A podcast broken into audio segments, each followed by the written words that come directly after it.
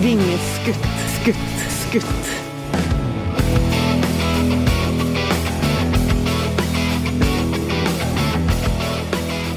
Men du vet, nå er det rekord, vet du. Oi. eh, ja, ja, ja.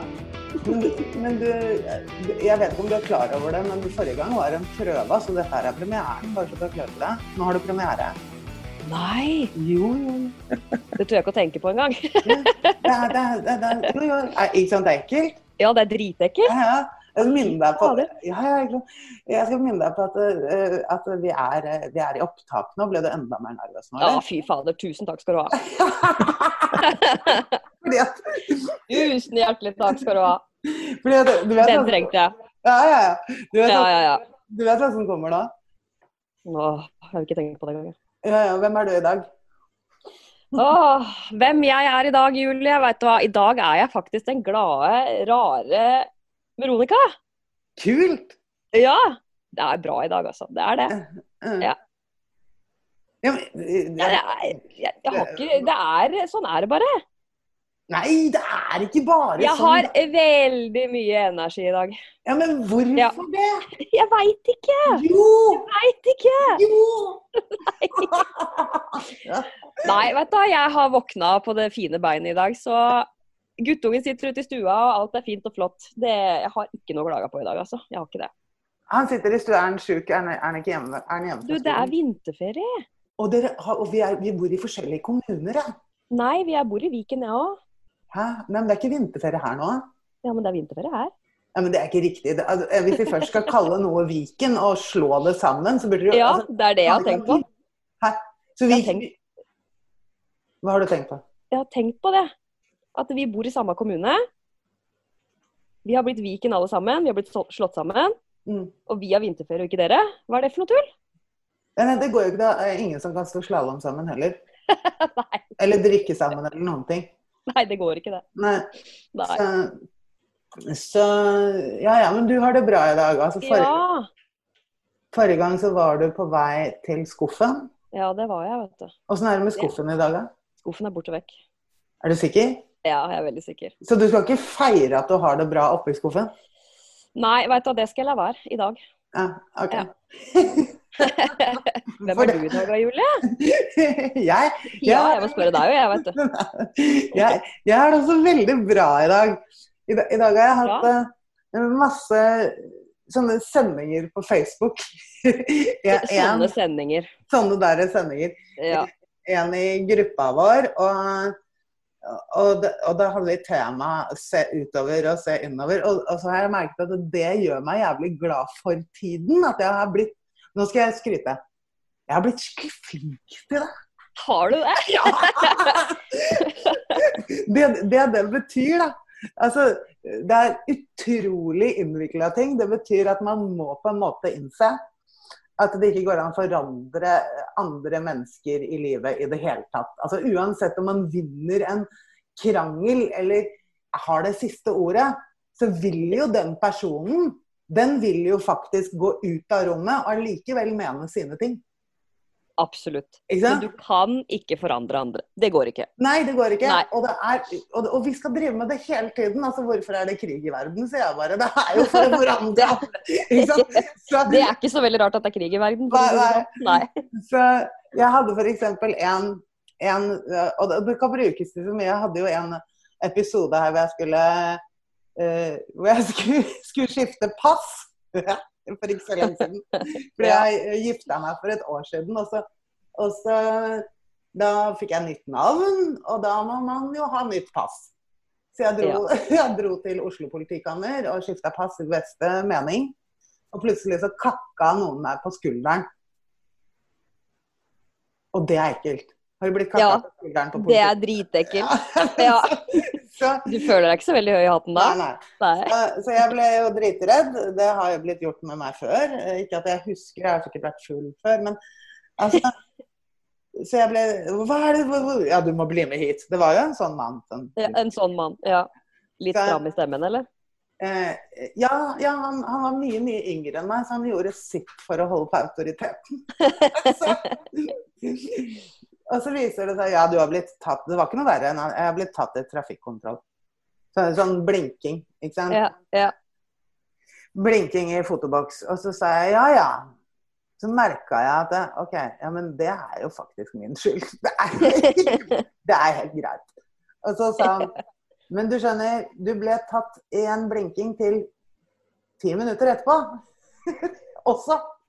Å ja! Og da, og da sa jeg ja, men eh, det husker jeg jo, for jeg husker jo at jeg sa faen da det blinka gang nummer to. så, og, så, og, så, og han var litt nervøs, for det virka som han venta at jeg skulle krangle på dette her. Så nei, jo, det, jeg har blitt tatt i det. Så, og så har han enda flere nyheter. Han er litt nervøs i ansiktet, og så sier han Og det har jo en del flere følger, fordi du har nå ni prikker på førerkortet ditt. Så vi må dessverre inndra førerkartet. Og da trodde han i hvert fall at jeg skulle si noe på det, eller begynne å grine, eller jeg vet ikke hva. Det så iallfall sånn ut. Så da ga jeg han førerkortet mitt. Du har vel, eh, du har vel vært borti verre ting før, tror jeg? Ja, men det var jo min skyld. Altså, det, er jo, det er jo rett og slett jeg som har kjørt for fort. Det er ingen andre som har kjørt for fort. Og, og straffen, den er at jeg ikke har førerkort frem til juli. Fordi jeg har kjørt for fort Fordi du har kjørt for fort, ja? gjennom noen trafikkregler som jeg kan. Ja. Ikke sant? Glemte du de trafikkreglene et sekund, eller? Nei, men man hører jo på andre podkast. Ikke hør på podkastene. Jo, gjør det. Altså, så man, man, man, kjører langt, ikke sant, og hører på Pink Floyd eller Polecaster eller altså, tenker litt og sånn. Så, så kan man jo klage på at det er innmari dumme fartsgrenser i Norge, men da må man jo ta ansvaret og flytte til Tyskland, da, hvis man syns det. Så, så, Nettopp. så derfor er den treningen ganske bra. Jeg er ikke beppa selv om jeg må gå Ja. til butikken. Så sånn er det. Mm. Å nei, nei, nei. nei, nei. Men, men jeg, jeg tror, eh, jeg tror eh, at du har jo eh, Du har jo brakt inn i dag, Veronica, en som kanskje også kan litt om det jeg har snakket om nå. Jeg vet ikke. Det vet ikke jeg noe om. Men, men for at vi skal få inn uh, han, så må vi ha en jingle. Ta den, du. Skal jeg ta den? Ja, ta den. Okay. Du er flink på det. Skal, skal det være noen sånne derre ord i den jingle? Sånn Jeg, jeg prøver. Ploing, gjesten på Vingeskutt i dag er Kenneth Johansen. Velkommen, Kenneth. Takk skal du ha. Hei! Hei, Veronica. Så koselig å ha deg her. Ja, det er hyggelig å være her sammen med dere. Mm. Jeg kjenner ikke deg i det hele tatt. Veronica gjør det. Ja, jeg kjenner deg veldig godt, Kenneth. Ja, Vi har jo kjent hverandre i 18-20 år, sånn cirka. Der Ja, det er vel noe, det er vel noe rundt der, tenker jeg. Ja, Ja. Så det er blitt et par år. Mm. ja, det kan du trygt si. Og, og Nei, det er bra, det. Og du er, her, du er her jo litt fordi at du er en hva skal vi si, rusrelatert person, du også. Du er her av en grunn. Ja, altså jeg er jo per definisjon, selv om jeg i dag er rusfri, så er jeg en rusmisbruker. Ja, Mm. Mm. Mm. det er jeg. Det vil jeg jo for evig alltid være, selv om jeg er rusfri. Hvordan, øh, hvordan starta det? Ja? Nei, starta med noe trøblete barndom. eh, Begynte på institusjoner. eh, Og i fjerde klasse på barneskolen. Og gikk på institusjon helt fram til første året videregående. Eh, Og da var jeg så møkka lei skolen at da gadd jeg rett og slett ikke noe mer skole. Og så hadde jeg jo gått på institusjon sammen med en drøss med andre gærninger, så det jeg egentlig lærte å gå på den skolen, var at det var helt greit å være gæren. Så den skolen, altså den institusjonen var en skole? Ja, det var en Ja. sko skole for eh, sånn type barnevernsopplegg, da. Aha. Så det var, eh, jeg gikk alle åra fra fjerde klasse barneskolen til første året videregående gikk jeg på tre forskjellige, da, for det var jo barneskoletrinn, ungdomsskoletrinn altså videregående trinn. Mm. Og det på en måte Der lærte jeg jo rett og slett å være gæren, og, så, og at det var helt greit. For du omgikk jo, omgikk jo ikke vanlige, vanlige, mennesker og personer og var på vanlig skole og, og sånne ting. Så, du, så jeg begynte å ruse meg i en alder av 13. Ja. Rett og slett. Mm. Begynte selvfølgelig med litt sånn uskyldig smågreier og smakte på litt øl, og det var noen av de store gutta som røyka litt hasj og litt sånt, så det skulle jo prøves. Så det var jo Jeg var jo ikke akkurat noen daglig rusmisbruker sånn til å starte med, men innen jeg var 16 så røyka jeg hasj daglig. Mm. Du begynte med øl? Ja, så det var jo sånn Fikk jo tak i litt øl og litt sånne ting, og så Ja. Mm. Ja, vi, vi, har jo det felles. Jeg begynte også da jeg var 13, og dette her syns jeg er innmari viktig. Du, du, har allerede sagt ting som i hvert fall jeg brenner veldig for, da, å få frem. Mm. Og det er jo hvor vanlig dette er. Fordi Ja. du, du har allerede sagt at du begynte med øl i en alder av 13. I alle de foredragene jeg har hatt for VGS, så begynner, altså, det gjør jo folk fremdeles. 13 er jo sånn klassisk alder. Ja. Som folk begynner eh, også, som ikke er rusavhengige, ikke sant. Ja. Så Jeg ser på den tida, det er klart øh, Den tida så var det Det var noen småbutikker øh, og sånt rundt omkring i lokalsamfunnet, og det var ikke noe problem å få kjøpt øl og røyk. Nei, nei, nei. Nei, det var, ikke, det var ingen som brydde seg om at det var 18-årsgrense den gangen. Nei, Ikke sant. Og så ja, også det at du Ja, du, du fortsatte, og det ble hver dag da du var 16. Hvorfor ble det hver dag da? Nei, så Det bare eskalerte seg således, på en måte. Og så på en måte som jeg sa, det, det jeg lærte på de skolene, var jo egentlig at det var greit å være gæren. Og jeg hadde jo bare gått på skole sammen med masse rare gærninger. Mm. Så det var jo de menneskene jeg hang med, og det på en måte, det bare, det bare utvikla seg, seg den, den, den veien helt rett og slett automatisk. Mm. Eh, Det var jo ikke noe sånn bevisst handling at ja, innen jeg er 16 så skal jeg røyke hasj daglig. Liksom, Enda et veldig bra poeng! Ikke? Det er den var bra. Ja, det er et jævlig bra poeng. Går ikke rundt og drømmer om å få en karriere på institusjon og innleggelser eller hva det nå er for noe, liksom. så det var jo på en måte det Det eskalerte den veien, og på en måte hang jo da sammen med bare med alle disse som dreiv med alt mulig rart i bygda. da. Eh, Og gikk jo ikke så veldig lang tid, så ble det liksom sånn at dette koster jo penger, så da var det jo greit å begynne å selge, da. Mm. Ikke sant? Da kunne dekke opp mitt eget behov og, og sånne ting, og fortsatt tjene litt penger. Og... Så det var jo Jeg satt jo var øh, og solgte rett og slett denne driten i ti år også. Det skulle bare mangle. men, men det, man er det, det er ypperlig å tjene penger på sin egen hobby. Ja, ja, det var kjempefint, det. Eh, Det gjør skuespillere og sånn òg, det. Ja. Ja. ja, men jeg mener hvis man skal Ja. vanliggjøre det. Altså, det Ja. ja. Og det var jo Og jeg kan jo si hvor vanlig det egentlig er, fordi øh, jeg som satt og solgte, jeg hadde besøk av de utroligste mennesker som kom og kjøpte hasj hos meg. Mm. Altså, jeg hadde til og med politifolk som Ja. kom og kjøpte hos meg. Mm. Eh, politikere, eh, brannvesen. Altså det man ser som på en måte mennesker som ikke skal drive med sånt i det hele tatt, eller i hvert fall utad av bildet. Mm. Det skal være forbilder osv. osv. Det var eh, De kom og handla hos meg. Så jeg på en måte Og det var vel det som gjorde at uh, jeg så ikke på det som noe spesielt kriminelt heller. Nei. Hvorfor skulle jeg være noe mer kriminell enn han politimannen som kom og kjøpte dette og røyka? Mm. Mm. Nei, det, det, det er jo det, det er nettopp det. Det er, det er så viktige ord, syns jeg. Vanlig.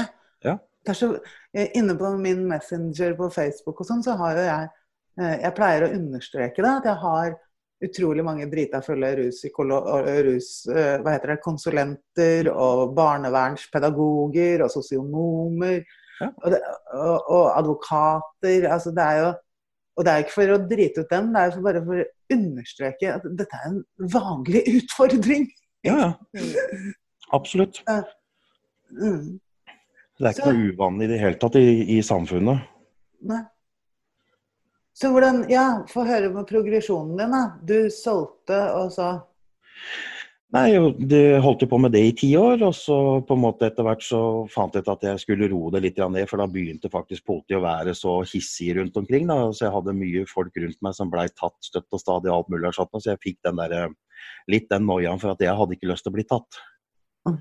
Eh, så da på en måte kutta jeg ut eh, det å selge, rett og slett. Altså, jeg hadde et ekstremt forhold til dette. fordi mange satt jo og solgte stort, jeg ville ikke gjøre det, for det var ikke noe penger i. Jeg ville selge smått. Så jeg hadde jo faktisk Jeg var jo også av den dumme typen som satt og skrev dette i den såkalte svarteboka. Jeg loggførte jo alt jeg drev med. Jeg hadde 82 faste, vanlige, daglige kunder på døra mi hjemme. Oi. Du hadde skikkelig business, ass. Ja, ja. Ja. Business, samtidig som at jeg jobba ved siden av. Jeg passa på å jobbe svart, da, for da kunne jeg få sosialen til å betale husleie og strøm også. Ikke sant? Så det, jeg levde jo relativt fett, da. Følte jeg jo da. Mm. Eh, penger var liksom ikke noe problem, men eh, det har jo forårsaka sine ting i livet. Det har jo.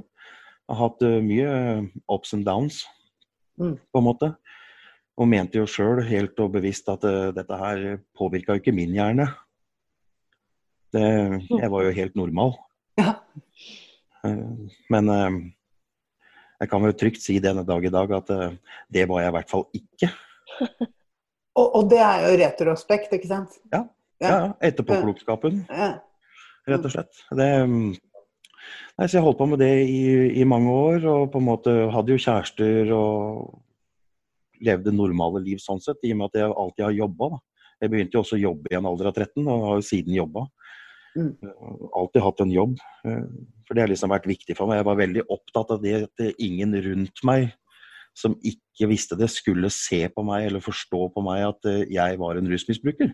Mm. Det skulle være ryddig og rent hjemme, det skulle være møblert. Det skulle ikke komme inn til meg og se ut som en junkiesbolig. Mm. Det var jeg ekstremt påpasselig med. Eh, Så, og, og pluss det at jeg var veldig opptatt av å ha en jobb. Så jeg tror nok det har vært veldig mye av det som holdt meg Kall det på banen, da. Mm. Ikke sant? Fordi etter hvert så blei det jo litt sånn, ja, man begynte å ta litt kokain, og så begynte man å ta litt ecstasy, og så hadde man noen fester, og så Men det blei liksom ikke noe daglig bruk av det, da, sånn som det blei for mange andre jeg kjente. Mm. Men det var fordi at jeg var veldig opptatt av at jeg skulle ikke, jeg skulle ikke ruse meg i uka. Fordi at jeg røyka hasj, så rusa jeg meg ikke. Men hvis jeg brukte amfetamin eller ecstasy eller kokain eller um, et eller annet sånt, så, så rusa jeg meg, og det var bare i helgene. Mm. Fordi det å røyke hasj for meg var jo var ikke å ruse seg, så det kunne jeg fint gjøre selv om jeg jobba. Nå skal, jeg, nå, nå skal jeg stoppe deg litt der, for dette er også viktig. For tenk deg den som hører på nå, som eh, drikker eh, rødvin. Ja. Ja. Som sier det samme som deg. Ja. For det er det du der ute som har denne utfordringen og ikke vil lukke døra. Egentlig så sier du det samme som han nå, bare at nå hører ikke du det. Du hører at han snakker om ecstasy, om hasj, og du tenker narkoman. Mm. Men det han egentlig sier, det er at han fungerte i livet, hadde jobb og rusa seg bare i helgene. Mm. Så det ene De tre glassene med rødvin man er flink med i ukedagene, det er det samme som hasjen. Mm. Mens den kartongen og den vodkaen i helgen, det er det samme som ecstasyen. Fordi det, det vi snakker om her, er middel. Ja.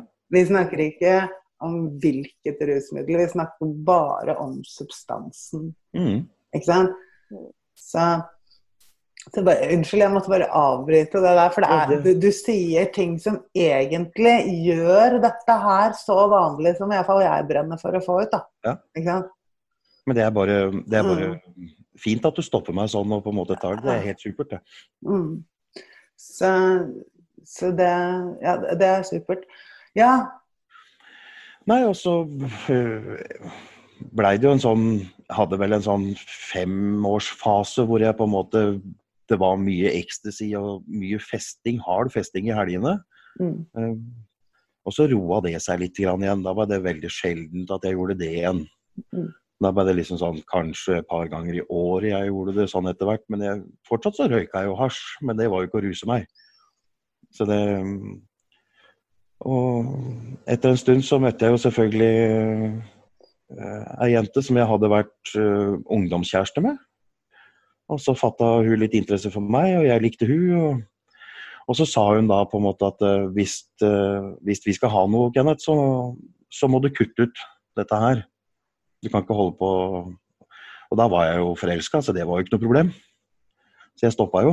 Eh, Det holdt jo ikke så mange år før jeg begynte å ruse meg igjen. For det er noe med den der biten det å, det å gjøre det for noen andre, Mm. det fungerer ikke. Eh, Jeg var på et foredrag på Storefjell i, i fjor, altså nå i vinter.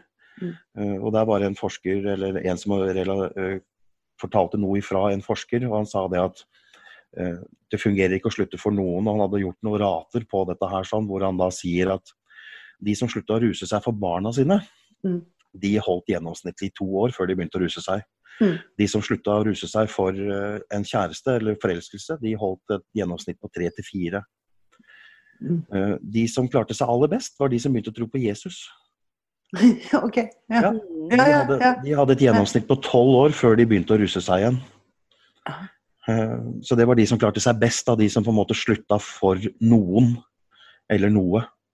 Å ja, ja, nemlig. Ja. Ikke for ikke, Altså ja, Jesus går inn under for noen. OK, Ja. jeg skjønner. Ja. Mm, mm, Da har de liksom funnet en årsak til at de slutter å ruse seg. ikke sant? mm, Eh, mm, mm. Og jeg fikk jo barn med henne, som jeg blei sammen med, som jeg slutta å ruse meg for. Mm. Og det var jo ett år etter at min første sønn var født, så begynte jeg å ruse meg.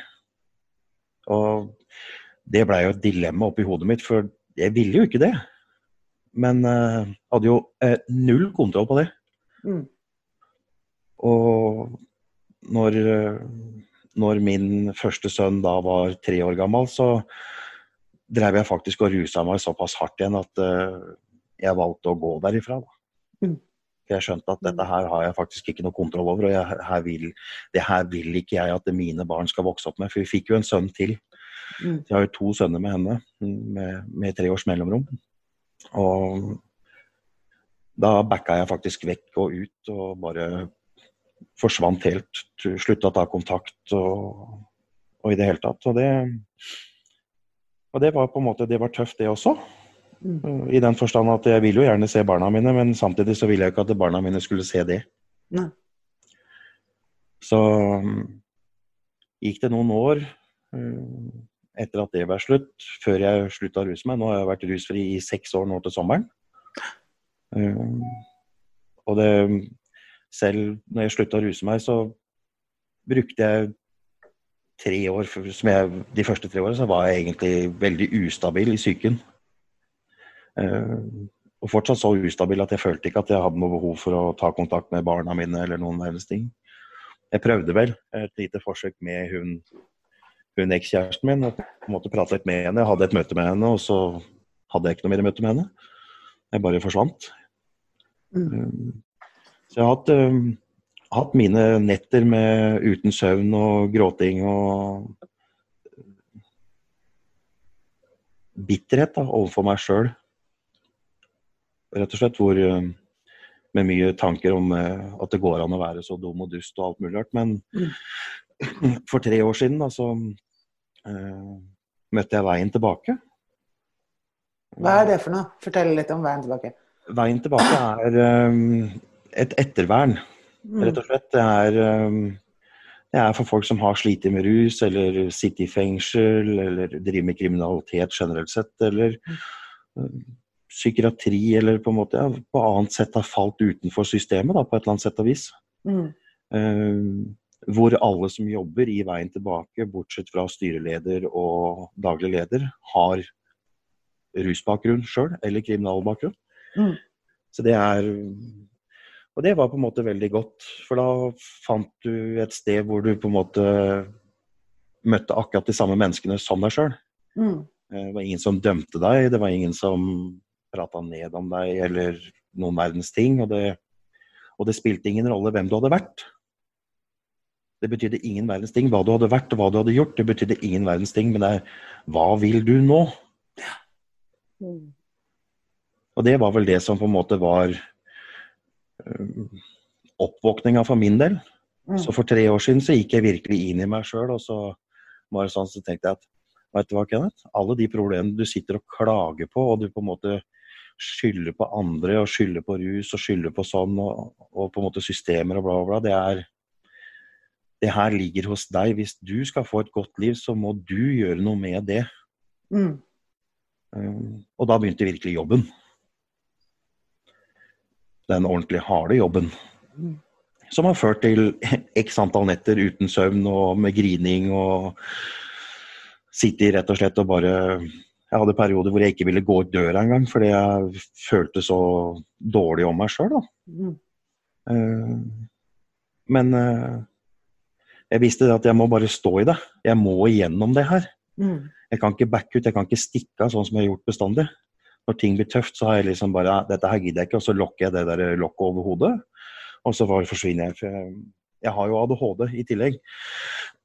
Så jeg har vært ekstremt flink på akkurat den biten med å bare legge et lokk på det og dytte det til sida, og så går vi videre. Livet er fint. Um, Så det har vært mye jobbing. Det har vært um, intens jobbing med meg sjøl. Og samtidig da hatt de menneskene rundt meg i veien tilbake har vært uunnværlig for min del. Det å på en måte ha det, det fristedet. Mm. Det er ingen krav til noen verdens ting i veien tilbake. Er, eh, du kan være med på det du vil. De driver med masse aktiviteter, for det er det veien tilbake har stor tro på. da. De har eh, stor tro på, på aktivitet. Ja, hva, hva slags aktiviteter er det der, da? Eh, De driver med sykling, skigåing, klatring, gåturer. De har yogagrupper. De har Mm. faktisk en egen damegruppe. Mm.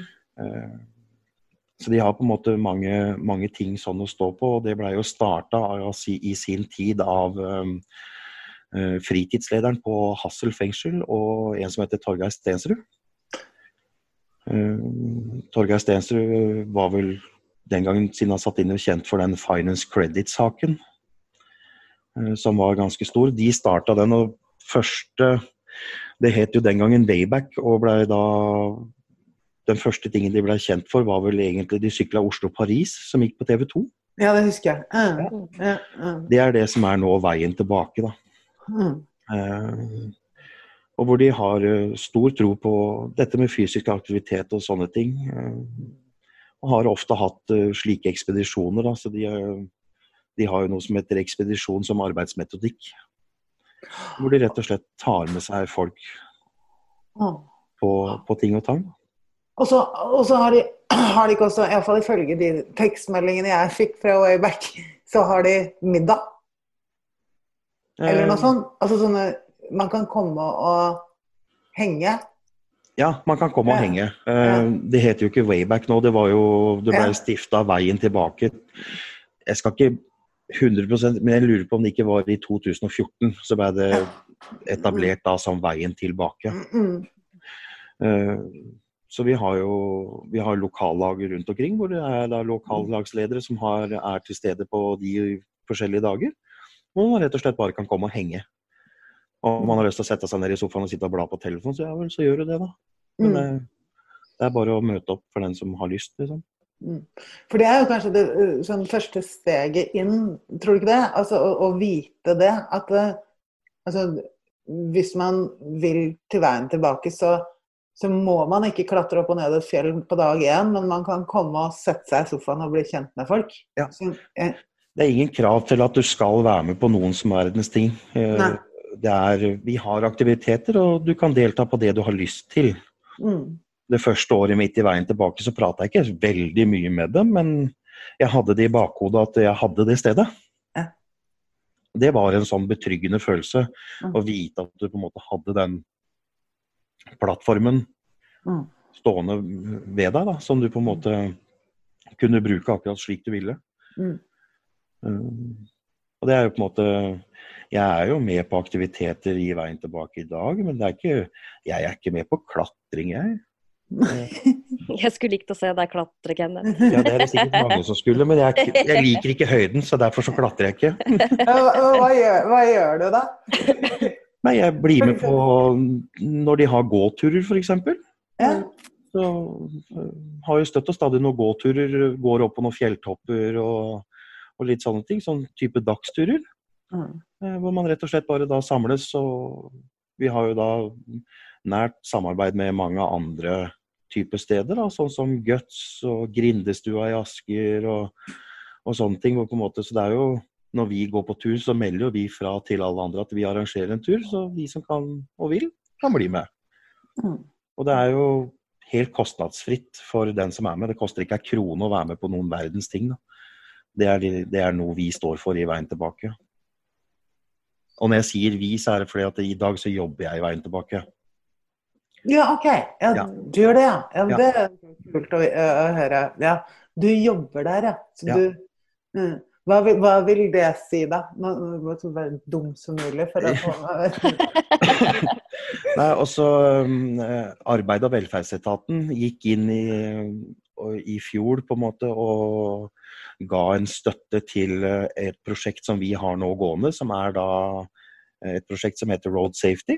Det er 50% eid av Veien tilbake og 50% eid av Norges Sykkelforbund. OK. Så det er det jeg er da. Jeg er ansatt 100 som teamleder i Road Safety. Uh, og det vi rett og slett gjør, er uh, reise rundt i fengsler, institusjoner, friomsorg. Uh, ja, alt som har med sånne steder og plasser å gjøre. Mm. Og presenterer Road Safety. og de som har lyst til å være med oss, får en utdannelse som stasjonærvakt. Og så bistår vi arrangørene med diverse sykkelritt på sommeren. Så vi reiser rundt rett og slett og er vakter da, på sykkelritt. Mm. Eh, alt ifra små ritt til, eh, til Tour of Norway. Vi er jo med på de største ritta som foregår i Norge. Dem er vi med på. Så kult. Så veldig kult. Ja, fantastisk kult. ganske stort, altså. Mm. Ja, og det, det var jo Det begynte for meg i, i fjor vinter. Så kom da Håkon, som er min sjef, og eh, en av de store pådriverne i Veien tilbake. Eh, kom til meg, og vi satt og prata litt, og så sier han at ja, vi driver og prater litt om et prosjekt, sånn og sånn.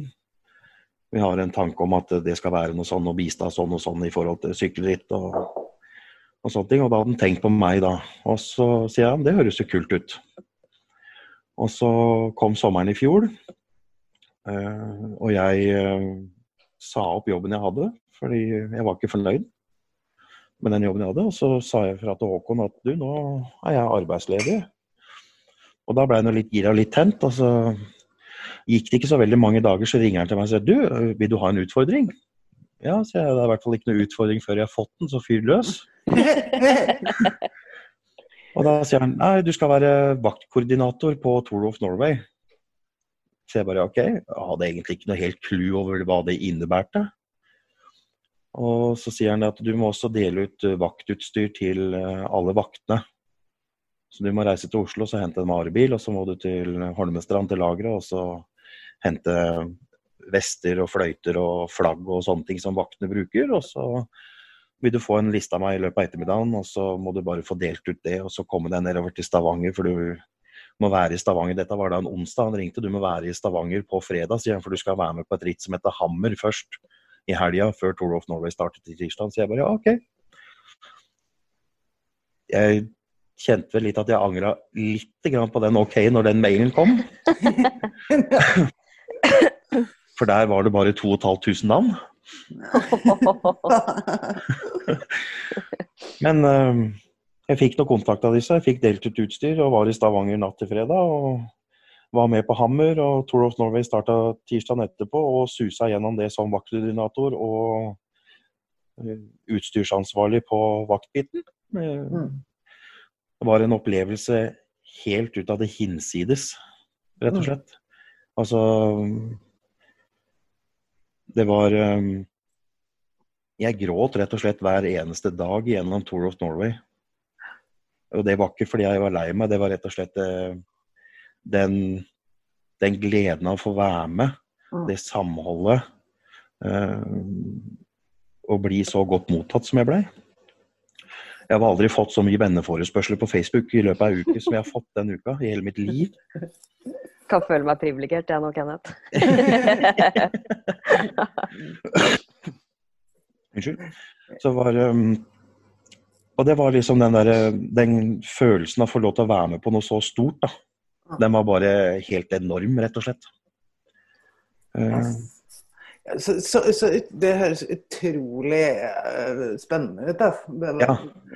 det er veldig spennende. Så det er på en måte Og det har vi sittet og jobba med nå i hele vinter, da, hva som skal gjøres av ritt og sånt nå denne vinteren her. sånn. Så vi har jo hatt kontordager hver tirsdag og torsdag hvor uh, hvem som helst kan komme innom. Vi sitter og har lunsj og prater og drikker kaffe og planlegger neste år og, og sånne ting. Og hjelper folk med kurs i forhold til de som trenger det, for det er ikke alle som er helt stødige på, på data. Og da, da bistår vi og hjelper til. og Så man kan lære seg eh, om data hos dere også? Ja, altså ikke sånn, Det er jo ikke det at jeg er noe hyperdatakyndig, men vi har jo disse kursene er jo nettbaserte. og Det er jo ikke alle som kommer seg inn og skjønner helt hvordan de skal logge seg inn og, og komme seg gjennom ting og sånne ting. Så da på en måte bistår vi dem etter beste evne, da. Så disse kursene er nettbaserte. Det er også ganske sånn Mm. ålreit informasjon ikke sant? ut der. Som eh, fordi det, det er jo det vi driver med tilbake til livet også. Det er, det er, vi er bare nettbaserte, og det er utrolig mange som får sjansen til tilfriskning nettopp fordi at dørterskelen er litt lang. Ikke sant? Ja. Alt som, eh, som er Men for å, for å oppsummere eh, litt grann, eh, mm.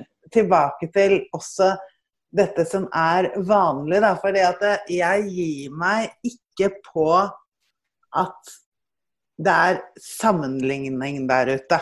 Ikke sant? Man Nei. sammenligner så godt man kan for å, å, å ikke, ja, ikke lukke døra til eh, rusen sin, da. Ikke sant? sant? Så, så hva er det Altså egentlig så har du vært en familiefar. Du har uh, gjort jobben din hele tiden. Uh, mm. Du har rust deg til tider moderat. Ja. Og så eh, har du opplevd det som er et medisinsk faktum som vi alle skyver foran oss. At rus er progressivt. Mm. Det er det på en måte det, det er det altså Uansett hva vi vil eller ikke, Ja. så er det det. Ikke sant? Vi har sett det på TV med oss i Osborn. altså, altså, det, er, det er progressivt. Så, så, eh, og så er det da sikkert en og annen fordi at det som er forskjellen på alkohol og dop, det er hvordan man sammenligner det. Ja. Fordi, eh, fordi at noen hørte sikkert og hang seg opp i for å kunne drikke litt en stund til. Å ja, han har vært i fengsel. Mm. Ikke sant? Så da kan vi bare knekke det, det med en gang. Hvorfor har du vært i fengsel? Det er jo fordi at det, eneste forskjellen egentlig mellom dop og alkohol er loven. Mm. Ikke sant? Og det er ikke rusen, det Nei, nei. er loven. Så det er den samme driften i hodet, det er den samme eh, planleggingen som tar opp all plassen i hodet Mhm. eh, for å skaffe. Fordi at Hvis du som er der ute, som går på polet, er i tvil om du skaffer eller ikke, så kan vi ta dem en gang. Du skaffer. Ja. Det gjør du. Ja, du skaffer Du dytter penger på kontoen din. Du, eh, du skaffer plass til å ha tid til stengetider. Du Mhm. skaffer eh, penger nok ved å ha minst mulig i kjøleskapet, altså bare det du trenger i kjøleskapet. Og, så videre og så videre. Så vi skaffer alle sammen. Ikke sant? Ja. Og du har havna i fengsel av ikke fordi at du er en rampegutt, men fordi at ditt foretrukne rusmiddel er ulovlig. Ja. Ja, og det er jo sånn eh, Til tider så var det ikke så viktig om du hadde mat i kjøleskapet engang heller. Nei, nei. Og det, og det gjelder igjen alle. ikke sant? Vi får et lokk, et, et veldig praktisk lokk i halsen. Som gjør at vi ikke trenger mat. Vi trenger bare rus. Ja, ja. Det var sånn, det var så viktig om jeg spiste, bare jeg fikk det jeg skulle ha av, av rus. Ja, ja. Ikke sant. Så det er uh... Og det kan man jo si sånn i forhold til i dag, da, at det på en måte sånn i forhold til forskjellen på, på narkotika og alkoholen er, er, på en måte lovgivninga. Det kan man jo si at hvis alkohol hadde kommet i dag Ja, da hadde ikke det hadde aldri vært litt lov engang. Nei. Så, så, sånn sett. Og, og derfor syns jeg altså at uh, diskusjonen om f.eks. hva som er farligst, er helt uinteressant. Ja. Uh, vi, vi, blir fucka av, av, dette her. Og så kan det bare være forskjell i tid på progresjonen. Det kan vi være enige om. Ja, selvfølgelig. Uh, så, så men, men, det som ødelegger i liktid, nesten, det er jo det mentale. Så, så, så det, var veldig, det var utrolig kult å ha deg her, Kenneth. Du, du, du understreket hva, hva iallfall jeg drømmer for, som er det, dette vanlige. Dette, ja. Ikke sant? Og så, høres det ut som å, å, komme seg til veien tilbake er en god ting å gjøre. Ja, jeg, jeg vil absolutt påstå det. Og det er vel mm. rett og slett Vi ser vel den um, den fordelen med at uh, vi har uh, egen erfaring. Ja. Mm. Det er, det er, kjempeviktig. Ja, jeg er ikke så veldig begeistra, fordi jeg har vært i barnevernsinstitusjoner, jeg har prøvd mm. meg på avrusning osv. osv. Jeg er vel ikke så veldig glad i den derre bokformavrusninga. Nei, den går jo ikke. Nei, nei.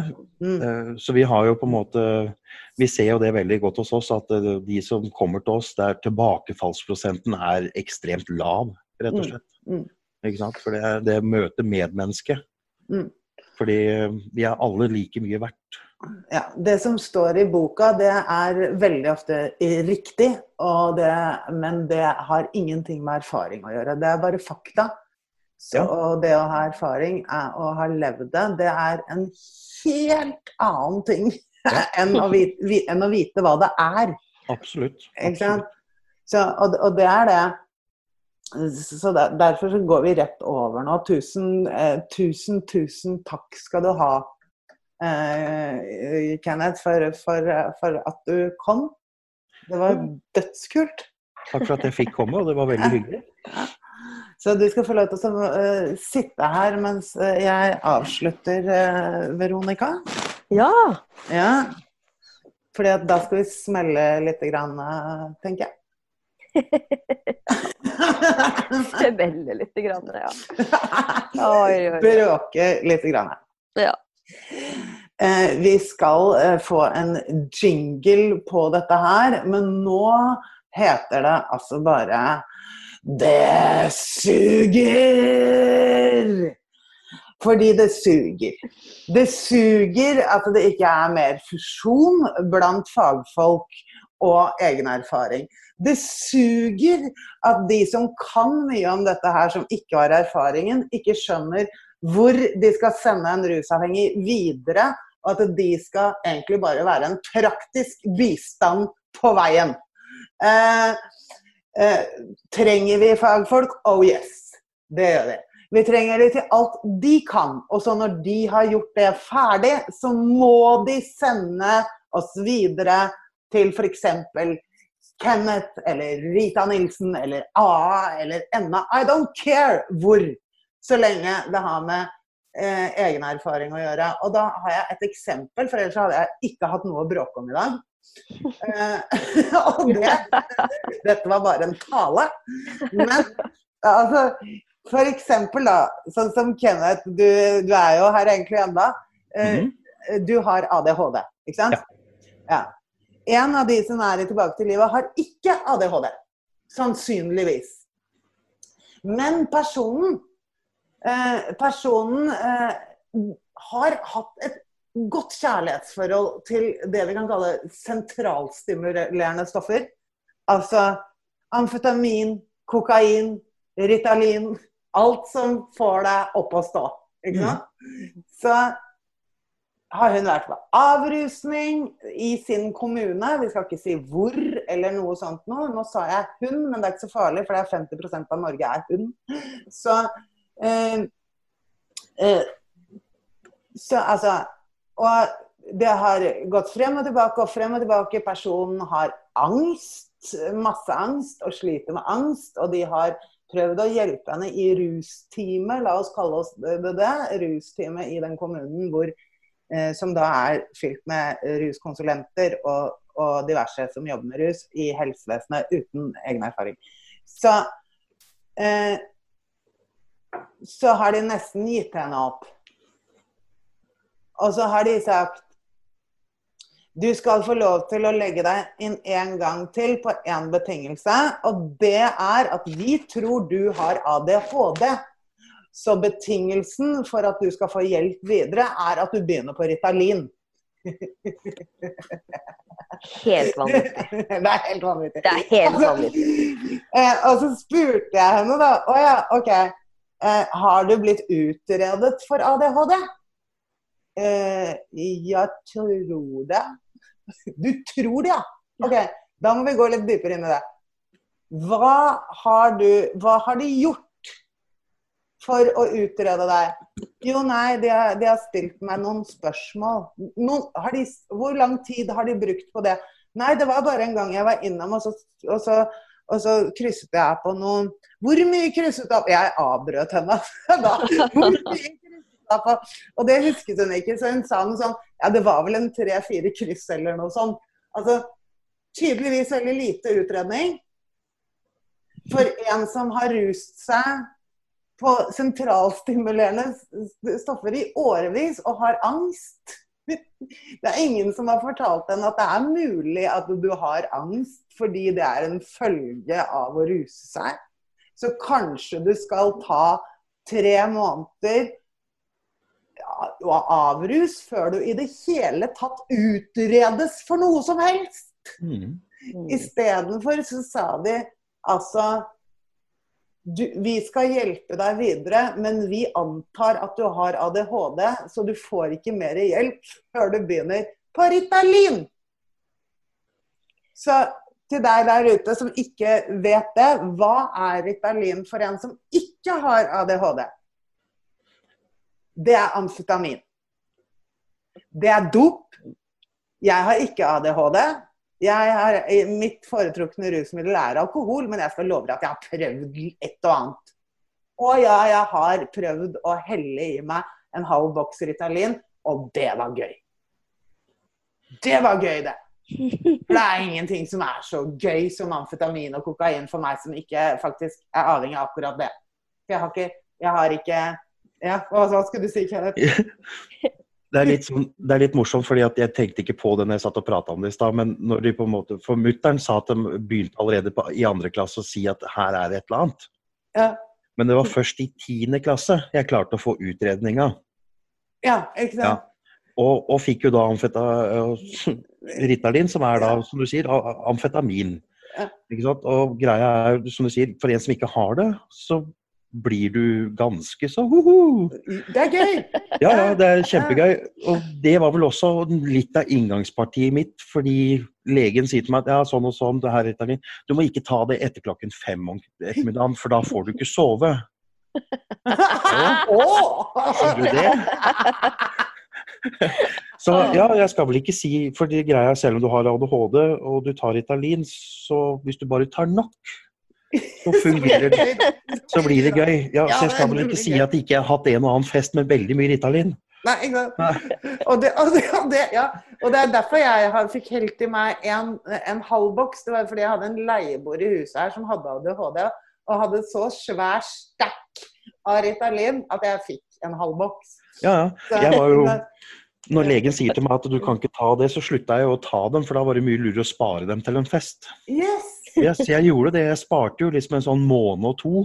Alle tablettene egentlig skulle tatt, og så dro jeg på fest, og så hølja ned på en drøss med Ritalin og, og drakk, da. Og var jo ikke førstemann som sovna. Nei, ikke sant. Så da kan vi ta også, ta en liten prat med dette rusteamet igjen, da. Som etter tre kryss eh, på et papir sier nei, du får ikke mer hjelp hvis du ikke begynner på Ritalin. Er latterlig. Ja. Så, og, og, jeg, gjen, jeg, jeg understreker igjen, dette har ingenting med å være anti-fagfolk å gjøre. Det jeg skal gjøre fremover, er å fremheve hvor crazy eh, informasjonen som kommer fra noen av dere, kan være. Så, så, så vær så snill og gjør det dere kan. For dere kan mye.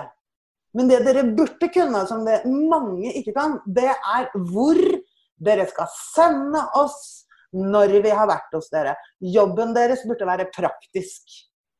Det burde være informasjon til videre tilfriskning. Er min mening. Og jeg driter i om det er politisk korrekt, eller om jeg kan alt, eller om jeg ikke kan noen ting. Det er min mening. så, Rett og slett. Det er det. Så, så sånn er det. Så, hva sa du, Kenneth? Det verste antageligvis jeg syns med veldig mye av disse som jobber innenfor psykiatri, avrusning osv., osv., er at de ser rett og slett så utrolig lei seg ut da innimellom. Altså det er sånn der, mm. Jeg får sånn Unnskyld meg, men er det ikke du glad i jobben din? Mm. Og det tror jeg har en veldig sånn stor effekt på hvordan man faktisk jobber. Mm. Er om du faktisk er glad i jobben din og ønsker virkelig å hjelpe et menneske, eller om du faktisk bare er på jobb for at du skal ha lønninga di. Ja, ikke sant. Det, det, det, det er helt, jeg er helt enig med deg. Innmari godt poeng, altså. Og, og, og, og, det jeg også har møtt, da, for, å, for, å, for å avmildne eh, smellet litt, det er jo Eh, jeg har holdt utrolig mange foredrag for barnevernet og for ruskonsulenter og for Nav og sånn.